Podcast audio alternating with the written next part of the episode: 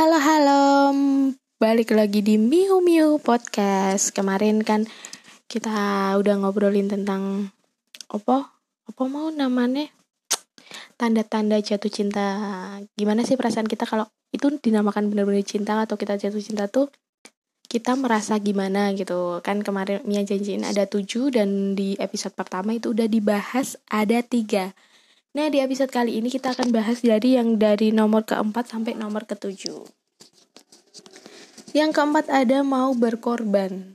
Kalau kemarin rela, sekarang mau berkorban. Hampir sama sih rela sama berkorban. Mau berkorban berarti dia tuh melakukan apa aja yang buat pasangannya tuh terbaik gitu. Dan dia rela berkorban walau mungkin bisa membahayakan kan dirinya sendiri.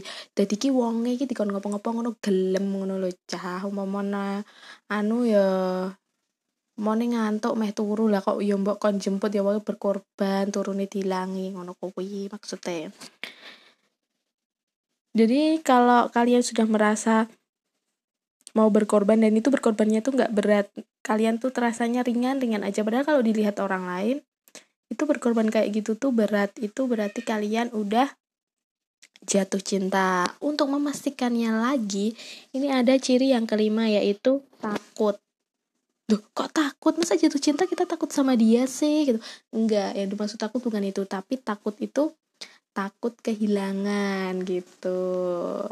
Mas, pasti kalian pernah ngerasa kan, ih kok dia nggak ngabarin nih khawatir. Nah itu tuh kenapa kalian khawatir? Itu tuh karena kalian takut. Nah seumpama ya dek kerja kayak gitu sebenarnya cek ribet. Terus rak ngabari kue bingung waduh iki aku rak dikabari jangan-jangan wong di pacar neng neng neng nah kayak kuwi jenenge takut kehilangan gitu. Jadi banyak orang yang dia tuh marah gini-gini terus cemburu. Kalau cemburu sama orang lain itu kan intinya juga sama. Kalian takut kehilangan.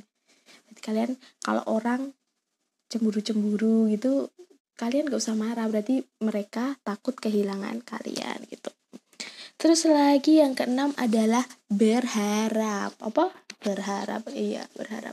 Jadi berharap itu ya walaupun banyak yang bilang gini cinta tak harus memiliki aku dan dia tak perlu bersatu yang penting dia bahagia. Emang benar itu tadi masuk dalam berkorban juga. Tapi kalau kalian udah cinta pasti kalian punya harapan. Kalian itu berharap bisa memilikinya gitu. Pokoknya ada harapan-harapan yang kalian susun dengannya masa iya kowe seneng wong kowe rak pengen jadian karo wonge? Masa iya kowe seneng wong kowe rak pengen duweni wonge? Ora mungkin kan mesti kowe pengen. Nah jadi kalau kalian udah mulai berharap itu bisa dibilang kalian udah mulai jatuh cinta. Berharap ya Allah setiap setiap apa namanya? Setiap begindungo ya Allah semoga kait dari jodohku. Semoga dia bisa mendampingiku seumur hidupku. Di sisa-sisa waktuku. Nah itu namanya berharap. Terus seandainya dia emang tidak bisa bersamaku tolong jangan bersamai dia dengan siapa pun. Nah kok ngono kira Allah ya? Oke yang ketujuh adalah patuh. Loh kok bisa patuh? Nah, ya bisa. Jadi kalau kalian udah jatuh cinta kalian diomong eh, dikasih nasihat dikasih tahu sama orang yang kalian cintai itu pasti kalian tuh patuh gitu. Tapi tetap ada batas-batasnya. Kalau itu buruk ya kalian pasti juga berpikir itu buruk jadi nggak mau gitu. Ini berlaku juga bukan kalian cinta ke makhluk hidup sama seseorang juga tapi ini juga berlaku pada Allah. Kalau kalian sudah mulai mencintai Allah kalian akan patuh semua uh, perintahnya dan menjauhi semua larangannya.